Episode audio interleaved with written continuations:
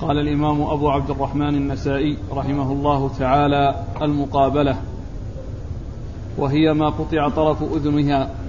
قال أخبرني محمد بن آدم عن عبد الرحيم وهو ابن سليمان عن زكريا بن أبي زائدة عن أبي إسحاق عن شريح بن النعمان عن علي عن, عن؟ شريح. شريح؟ أو شريح؟ وين تقبل شريح. عن شريح بن النعمان عن علي رضي الله عنه أنه قال أمرنا رسول الله صلى الله عليه وآله وسلم أن نستشرف العين والأذن والا نضحي بمقابلة ولا مدابرة ولا بتراء ولا خرقاء. بسم الله الرحمن الرحيم. الحمد لله رب العالمين وصلى الله وسلم وبارك على عبده ورسوله نبينا محمد وعلى آله وأصحابه أجمعين. أما بعد يقول النسائي رحمه الله المقابلة وقد سبق أن مر للنسائي أن أتى بترجمة عامة وهي ما نهي عنه من الأضاحي ثم أتى ثم جعل يأتي بتراجم خاصة تندرج تندرج تحت هذه الترجمة العامة. وقد مر آه، جملة من التراجم الخاصة التي هي تتعلق بالعورة والعرجة والكثيرة والعجفة و آه، ذكر هنا هذه الترجمة وهي المقابلة.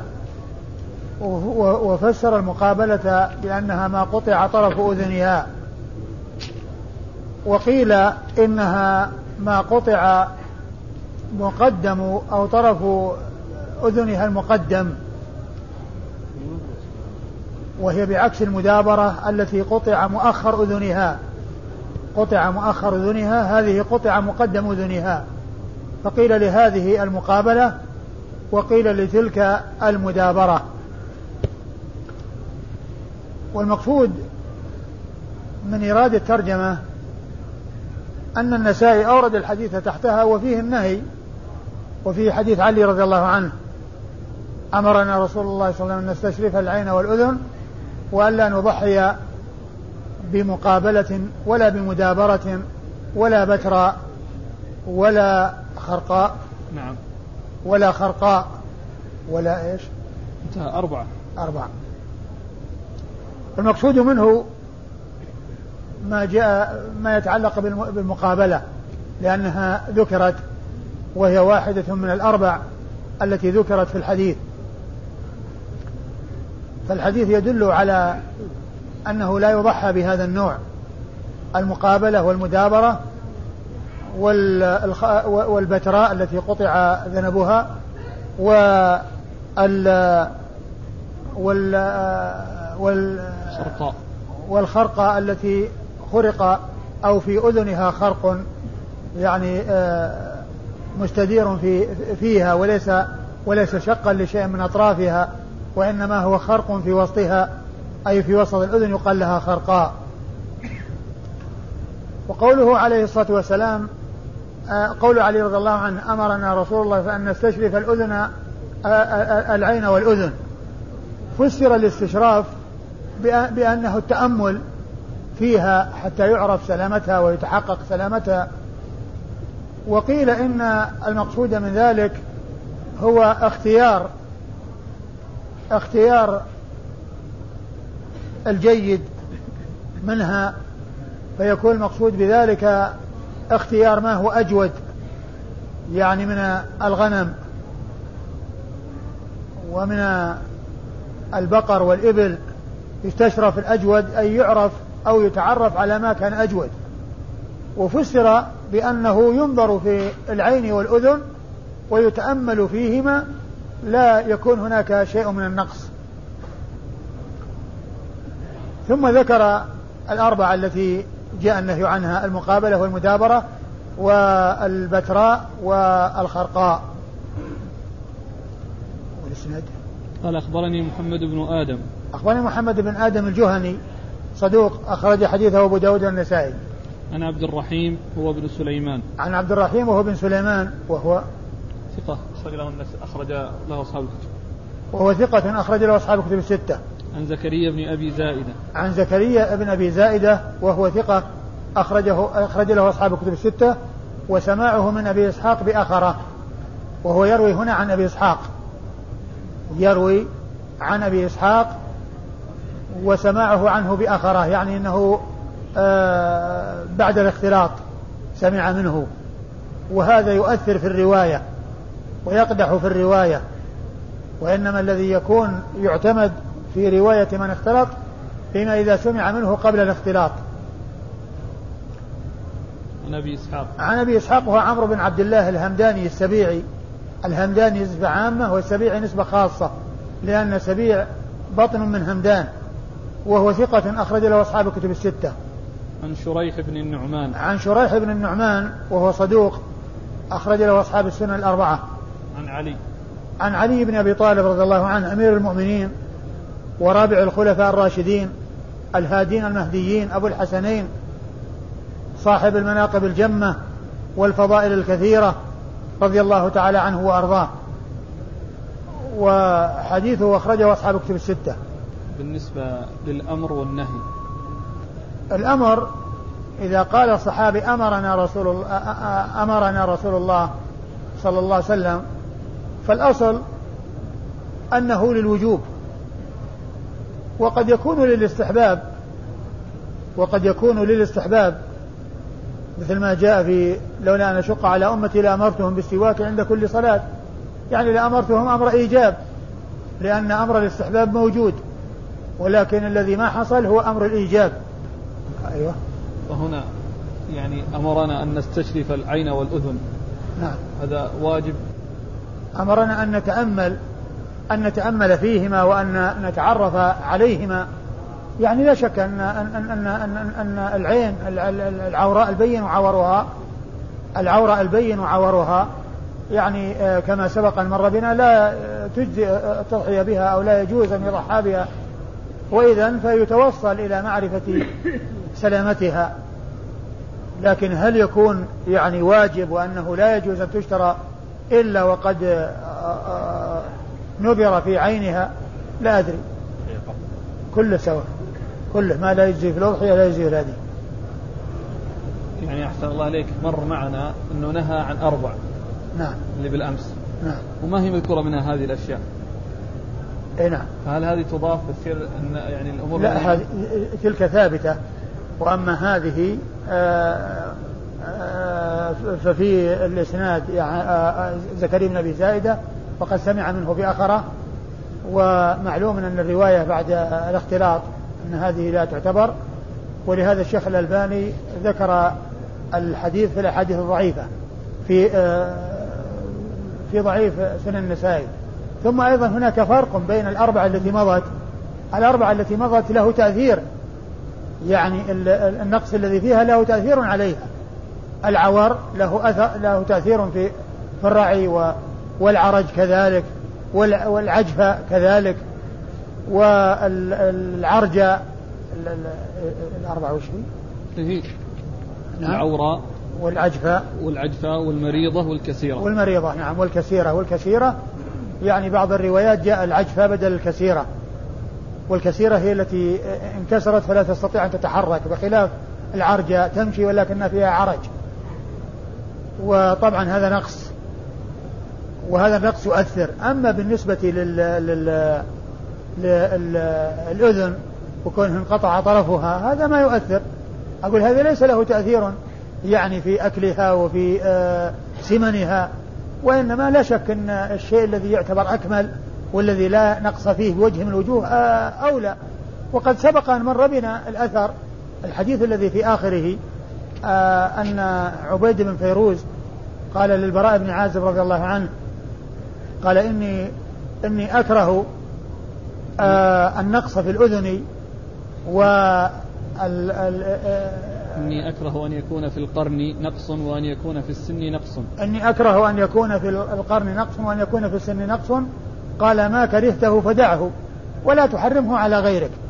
ولا تحرمه على غيرك. يعني إذا إذا ما طابت نفسك إلى شيء ورأيت أن في نفسك شيء منه دعه. وانتقل إلى ما تطمئن نفسك إليه. دع ما يريبك إلى ما لا يريبك. فهذا من حيث الكمال والإحتياط. وأما من حيث آه، آه، كونه سائغ فمن المعلوم أن قطع طرف أذن آه، الشاة أو وجود خرق فيها لا يقلل من شأنها ولا يقلل من قيمتها ويعني ولا يؤثر ذلك على رعيها لكن لا شك أن الشيء الذي ما فيه نقص الذي يعتبر كرائم الأموال والذي يعني يعتبر نفيس وليس فيه نقص بوجه من الوجوه لا شك أن هذا هو أولى وأفضل. لكن لا يقال أنه إذا كان القرن يعني في كسر أو كانت الأذن فيها شرم أو فيها خرق أو ما إلى ذلك خلاص لا يضحى بها نعم. قال رحمه الله تعالى المدابرة وهي ما قطع من مؤخر أذنها قال أخبرنا أبو داود قال حدثنا الحسن بن محمد بن أعين قال حدثنا زهير قال حدثنا أبو إسحاق عن شريح بن النعمان قال قال قال أبو إسحاق وكان رجل صدق. يعني أبو إسحاق يعني لما ذكر رواية عن شريح يعني أتى بجملة يعني آه، فيها ثناء عليه. قال أبو إسحاق وكان رجل صدق. وكان رجل. وكان رجل صدق. عن علي رضي الله عنه أنه قال أمرنا رسول الله صلى الله عليه وآله وسلم أن نستشرف العين والأذن. وألا نضحي بعوراء ولا مقابلة ولا مدابرة ولا شرقاء ولا خرقاء. ثم ورد النسائي هذه الترجمة وهي المدابرة وهي ضد المقابلة. المقابلة قطع مقدم أذنها وهذه قطع مؤخر أذنها. و أورد النسائي حديث علي رضي الله عنه من طريق أخرى وهو مثل ما تقدم إلا أن فيه زيادة الشرقاء. وهي التي آه، آه، شق أو شقت أذنها لأن آه، مشقوقة الأذن هذه الشرقاء لأن المقابلة يعني طرف الأذن مقدم مقدم الأذن طرفها من جهة الأمام وهذه والمدابرة طرفها من جهة المؤخر والشرقة التي شقت أذنها والخرقة التي انخرقت أذنها أو خرقت أذنها بها خرق في وسطها. الأخرى أمرنا يعني هذه في أن لا نضحي بعوراء ولا مقابلة ولا عوراء وفي عوراء أي. أيوة. العورة هذه جاء فيها حديث يعني ثابت يعني سبق أن مر ذكره. نعم. ولا مقابلة ولا مدابرة ولا شرقاء ولا خرقاء نعم ولا شرقاء ولا خرقاء الشرقاء اللي شقت أذنها والخرقاء التي خرقت أذنها. أو انخرقت أذنها. نعم. قال أخبرنا أبو داود. أبو داود سليمان بن سيف الحراني ثقة أخرج حديثه النسائي وحده. عن الحسن بن محمد بن أعين. عن الحسن بن محمد بن أعين وهو صدوق وهو الحراني صدوق أخرج حديثه البخاري ومسلم والنسائي. نعم. البخاري ومسلم والنسائي. عن زهير. عن زهير بن معاوية وهو ثقة أخرجه أصحاب الكتب الستة وأيضا سماعه من أبي إسحاق بأخره كزكريا بن أبي زائدة وهو يروي عن, زك... عن أبي إسحاق وهو ثقة أخرجه أصحاب الكتب الستة. عن أبي إسحاق عن شريح عن عن علي. عن أبي إسحاق عن شريح عن علي وقد مر ذكرهم. قال الخرقاء وهي التي تخرق أذنها. قال أخبرنا أحمد بن ناصح. قال حدثنا أبو بكر بن عياش عن أبي إسحاق عن شريح بن النعمان.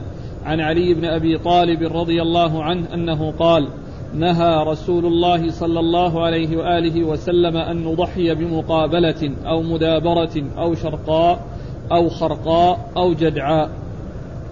ثم ورد النسائي حديث آآ آآ علي رضي الله تعالى عنه من طريق أخرى وهو تحت ترجمة الخرقاء. نعم.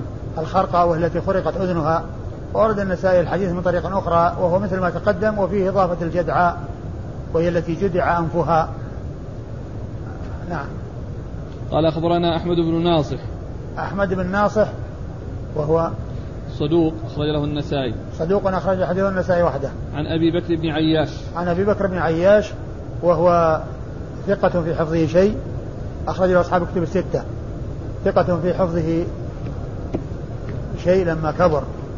أخرج حديثه أصحاب الكتب الستة. أخرج له البخاري. أخرج حديثه. البخاري ومسلم في المقدمة وأصحاب السنة. البخاري؟ كلهم إلا أن مسلم نعم، في نعم. المقدمة. أصحاب الكتب إلا مسلم ففي المقدمة. أصحاب الكتب إلا مسلم ففي المقدمة. عن أبي إسحاق عن شريح بن النعمان عن علي. وقد مر ذكر الثلاثة. بالنسبة الآن الأسانيد ما يقوي بعضها بعض الآن. وأبو إسحاق هذا أبو, أبو بكر بن عياش يعني كما هو معلوم يعني آه، يعني آه، في حفظه شيء. يعني لما كبر. نعم. بس أقصد لكن يعني كلها تدور على أبي إسحاق. كلها تدور على أبي إسحاق. إيه أبو إسحاق.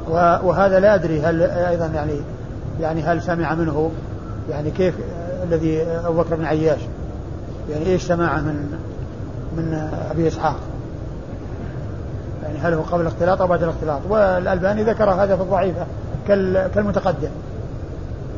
لكن المسألة الآن يعني لو روى عدة أناس كلهم سمعوا من شيخهم بعد الاختلاط ما يتقوى الحديث لا لا ما تقوى ما دام كله بعد الاختلاط وجد مثل عدم قال الشرقاء وهي مشقوقة الأذن.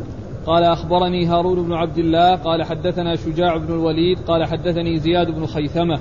قال حدثنا أبو إسحاق عن شريح بن النعمان عن علي بن أبي طالب رضي الله عنه أن رسول الله صلى الله عليه وآله وسلم قال لا يضحى بمقابلة ولا مدابرة ولا شرقاء ولا خرقاء ولا عوراء. ثم ذكر النسائي ترجمة وهي الشرقاء وهي التي شقت أذنها أو مشقوقة الأذن. والحديث أورد النسائي حديث علي من طريق أخرى وهو مثل ما تقدم. قال أخبرني هارون بن عبد الله. هارون بن عبد الله الحمال البغدادي ثقة أخرج حديثه م- مسلم وأصحاب السنة الأربعة. عن شجاع بن الوليد. عن شجاع بن الوليد وهو ثقة. صدوق له أوهام. صدوق له أوهام أخرج حديثه. أصحاب الكتب. صدوق له أوهام أخرج حديثه أصحاب الكتب الستة. عن زياد بن خيثم. عن زياد بن خيثم وهو ثقة أخرج له مسلم وأصحاب السنن أخرج له مسلم وأصحاب السنة الأربعة. عن أبي إسحاق عن عن آه، شريح بن نعمان عن علي وقد مر ذكرهم وهذا ما يقويه؟ وأيضا ما أدري يعني إيش أيضا الكلام. هل سمع قبل اختلاط أو ما بعده؟ والألباني أيضا ذكر في الضعيفة. قال أخبرنا محمد بن عبد الأعلى قال حدثنا خالد قال حدثنا شعبة أن سلمة وهو ابن كهيل أخبره قال سمعت حجي بن بن عدي يقول سمعت عليا رضي الله عنه يقول أمرنا رسول الله صلى الله عليه وآله وسلم أن نستشرف العين والأذن. ثم ورد النسائي حديث علي وفيه أمر الرسول صلى الله عليه وسلم باستشراف العين والأذن لكن ما فيه ذكر ال- المقابلة والمدابرة وال والشرقة والخرقة ويعني وما ذكر والبتراء وما ذكر معها. وإنما فيه ذكر الاستشراف. والاستشراف يعني كما هو معلوم كما سبق أن مر التأمل يعني في السلامة من العيوب أو يعني آه، اختيار ما هو أشرف وما هو أكرم وما هو أنفس وأنفق يعني مما يضحى به فيكون سليما من العيوب وسمينا ويعني آه، وافيا. نعم. قال أخبرنا محمد بن عبد الأعلى. محمد بن عبد الأعلى الصنعاني ثقة أخرج حديثه مسلم وأبو داود في القدر والترمذي والنسائي وابن ماجه. عن خالد. خالد وهو بن الحارث البصري ثقة أخرج له أصحاب الكتب الستة. عن شعبة. عن شعبة بن الحجاج الواسطي ثم البصري ثقة وصف بأنه أمير المؤمنين في الحديث وحديث أخرج أصحاب الكتب الستة. عن عن سلم عن سلمة وابن كهيل. سلمة هو بن كهيل ثقة أخرج له أصحاب الكتب الستة. عن حجية بن عدي. عن حجي حجية نعم. بن عدي نعم. وهو وهو صدوق يخطئ أخرج له أصحاب السنن. صدوق يخطئ أخرج له أصحاب أصحاب السنن الأربعة. عن علي. عن علي رضي الله عنه وقد مر ذكره. ينبه أحد الإخوة يقول أن في الروايات أبو إسحاق لم يصرح بالتحديث عن شريح في إيه نعم. جميع هذه إيه الروايات نعم نعم. يكون علة وهو. مدلس إيه نعم. وهو مدلس. قال رحمه الله تعالى العضباء. قال أخبرنا حميد بن مسعدة عن سفيان وهو ابن حبيب عن شعبة عن قتادة عن جري بن كليب. قال سمعت عليا رضي الله عنه يقول نهى رسول الله صلى الله عليه وآله وسلم أن يضحى بأعضب القرن. فذكرت ذلك لسعيد بن المسيب قال نعم إلا عضب النصف وأكثر من ذلك. ثم أورد النسائي هذه الترجمة وهي العضباء. وهي التي انكسر قرنها أو مكسورة القرن. و وأورد النسائي حديث آه، علي. حديث علي. نعم. حديث علي رضي الله عنه أن النبي صلى الله عليه وسلم نهى أن يضحى في أعظم القرن. نعم. في أعظم القرن. قال فذكرت ذلك لسعيد بن المسيب فقال إلا عضب النصف وأكثر من ذلك أي إذا كان الذي بقي النصف وأكثر من ذلك فإنه لا يؤثر يعني يستثنى من المنع. ويكون ال ال ال النهي محمول على ما كان أكثر من النصف يعني ما بقي إلا القليل. يعني ذهب أكثر أكثر القرن ولم يبق منه إلا القليل فهذا هو الذي يكون محمولا عليه النهي. محمولا عليه النهي وليس مجرد أي انكسار. وليس أي انكسار يكون فيه ولو كان يسيرا يؤثر. ومن المعلوم أن هذا مثل الذي قبله أيضا من ناحية من حيث المعنى هو لا يؤثر على على على الرعي ولا وعلى ومن المعلوم أن أن الجمة التي ليس لها قرون أنها تكون التضحية بها فإذا انكسرت أو انكسر قرن واحدة ذات قرون فإن ذلك لا يؤثر لكن لا شك أنه أكمل. يعني كون الشيء سليم من أي عيب مهما كان لا شك أن هذا أكمل وأنفس عند أهله. آه آه قال أخبرنا حميد بن مسعدة. حميد بن مسعدة البصري وهو صدوق أخرج حديثه مسلم وأصحاب السنة الأربعة. عن سفيان هو ابن حبيب. عن سفيان هو ابن حبيب وهو ثقة. نعم.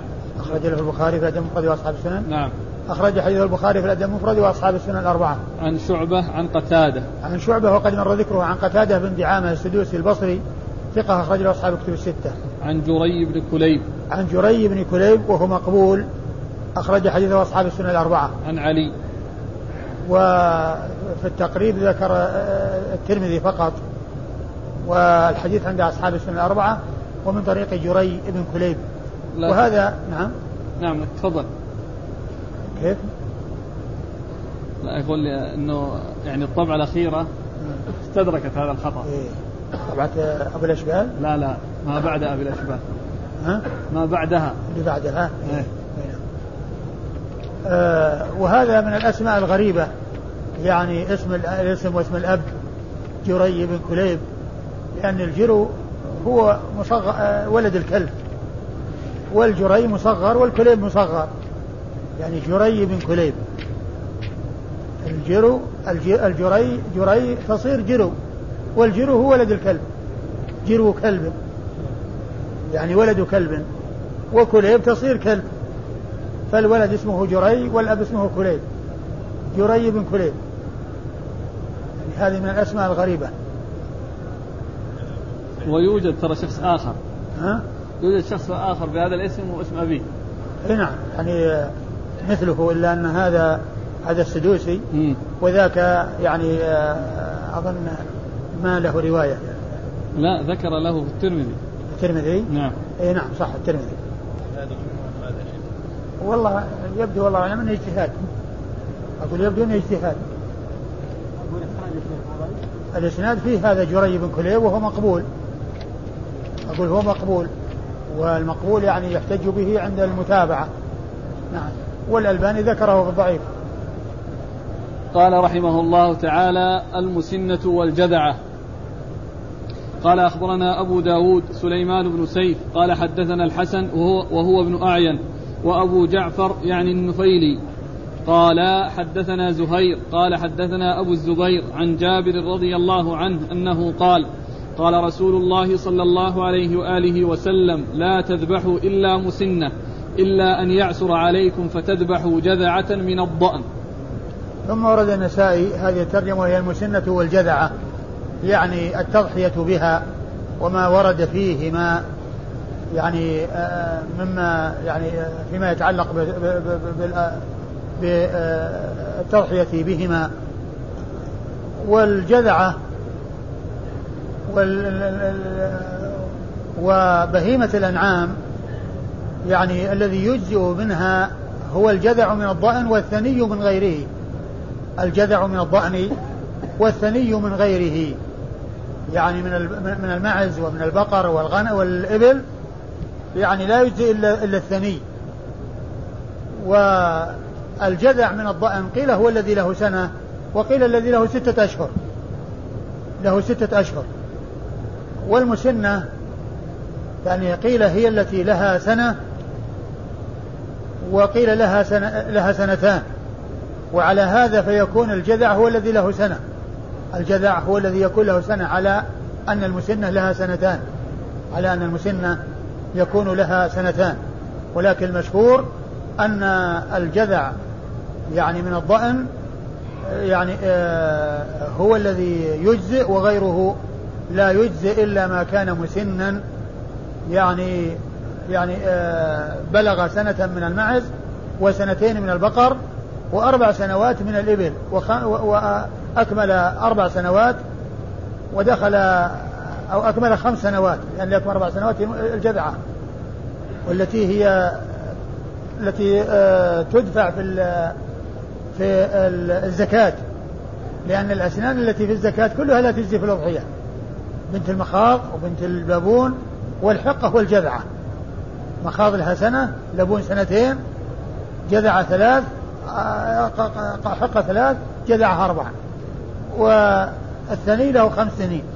الثني له خمس سنين. فكل الذي يدفع في في الزكاة لا يجزئ في الأضحية. وإنما الذي يجزئ في الأضحية السن الذي وراءه. السن الذي وراءه وهو الثني من الإبل. أورد النسائي حديث جابر رضي الله عنه أن النبي صلى الله عليه وسلم قال لا تذبحوا إلا مسنة إلا أن يعثر عليكم فتذبحوا جذعة. نعم جذعة من الضأن. إلا أن يعثر عليكم فتذبحوا جذعة من الضأن. فتذبحوا جذعة من الضأن. وهذا فيه بيان أن الذي يجزي في الأضحية هو المسن. وأنه يستثنى من ذلك الضأن فإنه يجزي فيه الجذع. وقد جاء هنا مقيدا الإجزاء بحصول الإعسار وعدم التمكن من آه، آه، آه، الحصول على المسنة إما لعدمها أو لعدم القدرة عليها أو لعدم القدرة عليها. إما كونها غير معدومة ولا يوجد إلا جذع يعني ما كان جذعا أو لكونها موجودة ولكن قيمتها مرتفعة. ولكن قيمتها مرتفعة والإنسان يعني يملك قيمة الجذعة ولا يملك قيمة المسنة فإذا يضحي بها. لكن جاءت النصوص الأخرى دالة على أن التضحية بالجذع أنه مطلق وأنهم ضحوا مع الرسول صلى الله عليه وسلم بالجذع من الضأن. فيكون آه، التقييد يعني آه، جاء ما يدل على عدم اعتباره والتقيد به لأنهم ضحوا مع النبي صلى الله عليه وسلم بالجذع. وجاء أن الجذع يوفي ما يوفي المسن. أن الجذع يوفي ما يوفي المسن. فدل ذلك على أن أنه يمكن التضحية بالجذع. ولكن لا شك أن ما كان أكمل وما كان أنفس وما كان أكثر لحما فإنه يكون أولى. وقد يكون في بعض الجذعات ما يكون أحسن من بعض المسنات بأن تكون المسنة يعني آه، فيها ضعف والجذع يعني سمين فيعني ويكون كبير. نعم. قال أخبرنا أبو داود سليمان بن سيف عن الحسن هو ابن أعين وقد مر ذكر هذين. عن أبي جعفر يعني النفيلي. عن أبي جعفر يعني النفيلي وهو عبد الله بن محمد أبو جعفر النفيلي وهو ثقة أخرج له البخاري وأصحاب السنن. وهو ثقة أخرج له البخاري وأصحاب السنن الأربعة. عن زهير. عن زهير وهو بن معاوية مر ذكره. عن أبي الزبير. عن أبي الزبير محمد بن مسلم بن تدرس المكي صدوق يدلس وحديثه أخرجه أصحاب كتب الستة. عن جابر. عن جابر بن عبد الله الأنصاري صاحب رسول الله صلى الله عليه وسلم صحابي ابن صحابي وهو أحد السبعة المعروفين بكثرة الحديث عن النبي صلى الله عليه وسلم. أحسن الله إليك. لو أعدتم الفرق بين المسنة والجذعة هو السن الذي يضحى به في البقرة. السن الذي يضحى به هو الجذع من الضأن والثني من غيره. الجذع من الضأن والثني من غيره. والثني من الإبل ما أكمل خمس سنوات ومن البقر ما أكمل سنتين ومن الغنم ما أكمل سنتين أو سنة على خلاف في المراد بالمسن من الغنم. هل هو الذي أكمل سنتين أو الذي أكمل سنة؟ وإذا كان وعلى القول بأن المراد بالسنتين فالجذع من الضأن الذي له سنة. إذا كان المسن له سنتين يكون الجذع الذي له سنة. وعلى القول بأن المسن أو الثني من الغنم هو الذي له سنة يكون الجذع الذي يجزئ من الضأن هو الذي له ستة أشهر. ذكرتم أنه هذا الأخير هو المشهور. نعم.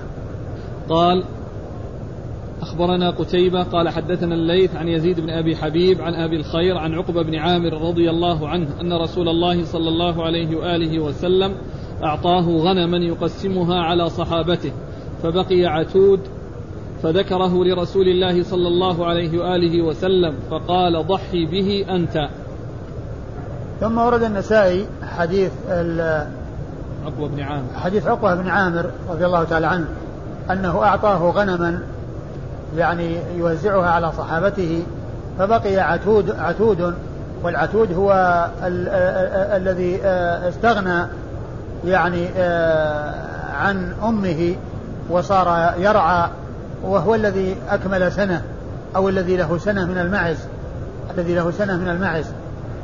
وهذا يعني على اعتبار أنه يعني يكون آه، مسن على أحد القولين وعلى أن ويكون جذعا على القول الثاني إلا أن يعني ال كونه على أحد ال يعني أنه أن له سنة يعني يؤيد أو يدل على أن أن من المعز يجزي يعني ما تم سنة وهو الذي يكون مسنا. وما كان دون ذلك لا يجزي. يعني ما كان دون ذلك فإنه لا يجزي. والأحاديث وردت في ذكر الجذع من الضأن وهذا من المعز. هذا قيل أن المقصود به هو ما كان من المعز. نعم. قال أخبرنا قتيبة قتيبة بن سعيد بن جميل بن طريف البغلاني ثقة أخرج له أصحاب كتب الستة. عن الليث. الليث بن سعد المصري ثقة فقيه أخرج له أصحاب كتب الستة. عن يزيد بن أبي حبيب. عن يزيد بن أبي حبيب المصري ثقة أخرج له أصحاب كتب الستة. عن أبي الخير. عن أبي الخير مرثد بن عبد الله اليزني المصري ثقة أخرج له أصحاب كتب الستة. عن عقبة. بن عامر الجهني صاحب رسول الله صلى الله عليه وسلم وحديثه أخرجه أصحاب كتب الستة. الحديث في صحيح مسلم. الحديث في صحيح مسلم. وما كان في الصحيحين فيعني آه، فهو صحيح. واعتبره الصحيح أصحاب الصحيح آه، صحيحا. وحكموا بصحته. فيكون محمولا على السماع كما قال ذلك النووي. يعني ما كان في الصحيحين من حديث المدلسين محمول على السماع. لأن صاحب الصحيح يعني أوردوه في صحيحيهما حاكمين بصحته. قال أخبرنا يحيى بن درست قال حدثنا أبو إسماعيل وهو القناد قال حدثنا يحيى قال حدثني بعجة بن عبد الله عن عقبة بن عامر رضي الله عنه أن رسول الله صلى الله عليه وآله وسلم قسم بين أصحابه ضحايا فصارت لي جذعة فقلت يا رسول الله صارت لي جذعة. فقال ضحي بها. ثم ورد النسائي حديث عقبة بن عامر الجهني أن النبي صلى الله عليه وسلم أعطاه أو قسم قسم قسم غنما بين أصحابه فصارت له جذعة فقال ضحي بها. نعم. ومن المعلوم أن يعني الذي يجزي من الض... الذي يضحى به الجذع الذي يضحى به هو ما كان من الضأن. ما كان من الضأن. فيحتمل أن يكون يعني أن أن أن الحديث الأول والحديث الثاني واحد وأن يكون العتو هو قال من الضأن ولا ما قال شيء؟ لا. جذعة. نعم. قال فصارت لي جذعة. أي فصارت لي جذعة. نعم. يعني يعني إذا كانت يعني من المعز فهذا على اعتبار أن أن أن أن, أن المسنة لها سنتين فتكون التي لها سنة هي الجذعة. أو أن المقصود أنها يعني آآ آآ أنها من الضأن كما سيأتي أنهم ضحى مع الرسول بالضأن بالجذع من الضأن. نعم. فيكون يعني يحمل على التعدد؟ ويحتمل أيضا يحتمل التعدد لكن يعني كون الرسول قسم بين أصحابه أو كذا يعني يحتمل أن تكون قصة واحدة ويحتمل التعدد. قال أخبرنا يحيى بن درست يحيى بن درست آه البصري وهو صدوق. ثقة. ثقة أخرج له. الترمذي والنسائي وابن ماجه. ثقة أخرج له الترمذي والنسائي وابن ماجه. عن أبي إسماعيل هو القناد. عن أبي إسماعيل هو القناد وهو إبراهيم بن عبد الملك وهو صدوق. نعم في حفظه شيء. صدوق في حفظه شيء. أخرج حديثه آه، الترمذي والنسائي. نعم. أخرج حديثه الترمذي والنسائي. عن يحيى. عن يحيى بن أبي كثير الإمامي. وهو ثقة أخرجه أصحاب كتب الستة. عن بعجة بن عبد الله. عن بعجة بن عبد الله وهو ثقة أخرجه أصحاب الكتب الستة إلا أبا داود ففي المراسيل. في القدر. إلا أبا داود ففي القدر. عن عقبة بن عامر. عن عقبة بن عامر وقد مر ذكره. قال أخبرنا إسماعيل بن مسعود قال حدثنا خالد قال حدثنا هشام عن يحيى بن أبي كثير عن بعج بن عبد الله الجهني عن عقبة بن عامر رضي الله عنه أنه قال قسم رسول الله صلى الله عليه وآله وسلم بين أصحابه أضاحي فأصاب فأصابني جذعة فقلت يا رسول الله أصابتني جذعة فقال ضحي بها. ثم ورد النسائي حديث عقبة بن عامر من طريق أخرى وهو مثل ما تقدم؟ قال أخبرنا إسماعيل بن مسعود. إسماعيل بن مسعود أبو مسعود البصري ثقة أخرج حديثه النسائي وحده. عن خالد. عن خالد مر ذكره. عن هشام. عن هشام بن أبي عبد الله الدستوائي ثقة أخرج له أصحاب كتب الستة. عن يحيى بن أبي كثير عن بعجة عن عقبة. وقد مر ذكر الثلاثة. قال أخبرنا سليمان بن داود عن ابن وهب قال أخبرني عمرو عن بكير بن الأشج عن معاذ بن عبد الله بن خبيب عن عقبة بن عامر رضي الله عنه أنه قال ضحينا مع رسول الله صلى الله عليه وآله وسلم بجذع من الضأن ثم ورد النسائي حديث عقبة بن عامر ضحينا مع رسول الله صلى الله عليه وسلم بجذع من الضأن. وهذا يدل على التضحية بالجذع من الضأن. وهو كما ذكر أهل العلم يجزي الجذع من الضأن والثني من غيره. نعم. قال أخبرنا سليمان بن داود. سليمان بن داود هو أبو الربيع المصري وهو ثقة أخرج حديثه أبو داود النسائي نعم. ثقة أخرج حديث أبو داود النسائي. عن ابن وهب عن عمرو. عن ابن وهب عبد الله بن وهب المصري ثقة فقيه أخرج له أصحاب الكتب الستة. عن عمرو بن الحارث المصري ثقة أخرج له أصحاب الكتب الستة. عن بكير بن الأشج. عن بكير بن عبد الله بن الأشج وهو ثقة أخرج له أصحاب الكتب الستة. عن معاذ بن عبد الله بن خبيب. عن معاذ بن عبد الله بن خبيب. بن خبيب الجهني نعم. وهو صدوق ربما وهم. صدوق ربما وهم أخرج حديثه؟ البخاري في الأدب المفرد وأصحاب السنة الأربعة آه صدوق ربما وهم أخرج حديث البخاري في الأدب المفرد وأصحاب السنة الأربعة. عن عقبة بن عامر الجهني وقد مر ذكره. قال أخبرنا هناد بن السري في حديثه عن أبي الأحوص عن عاصم بن كليب عن أبيه رضي الله عنه أنه قال كنا أقول ما هو صحابي؟ الصحابي سيأتي رجل مبهم. نعم. عن أبيه قال كنا في سفر فحضر الأضحى فجعل الرجل منا يشتري يشتري المسنة بالجذعتين والثلاثة. فقال لنا رجل من مزينة كنا مع رسول الله صلى الله عليه وآله وسلم في سفر فحضر هذا اليوم فجعل الرجل يطلب المسنة بالجذعتين والثلاثة. فقال رسول الله صلى الله عليه وآله وسلم إن الجذع يوفي مما يوفي منه الثري ثم ورد النسائي حديث رجل من مزينة من أصحاب رسول الله صلى الله عليه وسلم آه أنهم كانوا آه, آه، ذكر عاصم بن كليب بن شهاب أنهم كانوا يعني في يوم العيد أو قرب يوم العيد فجعلوا يشترون المسن بالجذع الجذعتين والثلاث يعني أن الواحد يحصل على المسنة بأن يدفع جذعتين أو يدفع ثلاثا من أجل أن يضحي بها. وكأنهم فهموا أنه لا يجزي إلا مسنة. فجاء فحدثهم رجل من مزينة صاحب رسول الله صلى الله عليه وسلم قال إن كنا مع رسول الله صلى الله عليه وسلم فكنا نشتري ال ال ال ال نشتري ال المسنة بالجذعتين والثلاث. و فقال رسول الله صلى الله عليه وسلم إن إن الجذع نعم. إن الجذع يوفي مما يوفي منه الثني. إن الجذع يوفي مما يوفي منه الثني. يعني أنه يجزي كما يجزي الثني. أنه يجزي كما يجزي آه الثني. نعم. قوله كنا في سفر فحضر هذا اليوم. آه كنا في سفر يدل على أن أن أن أن أن, أن الأضاحي يفعلها المسافر كما يفعلها المقيم. يعني يضحي الإنسان في السفر ويضحي في الحضر. بالنسبة للحاج؟ والحاج له أن يضحي أيضا. له أن يضحي. يعني إذا أراد أن يضحي يضحي. لكن كون الإنسان يضحي عند أهله أو يوصي أهله بأن يضحوا أولى من أن يضحي في مكة. لأن الأضحية في مكة الأضاحي كثيرة ويعني ولا يكون الإقبال عليها والحاجة إليها كالحاجة إليها في البلد. والإنسان لو ضحى له أن يضحي لأن الأضحية قربة وتذبح في يوم العيد وأيام التشريق فلو أن إنسانا ضحى له ذلك.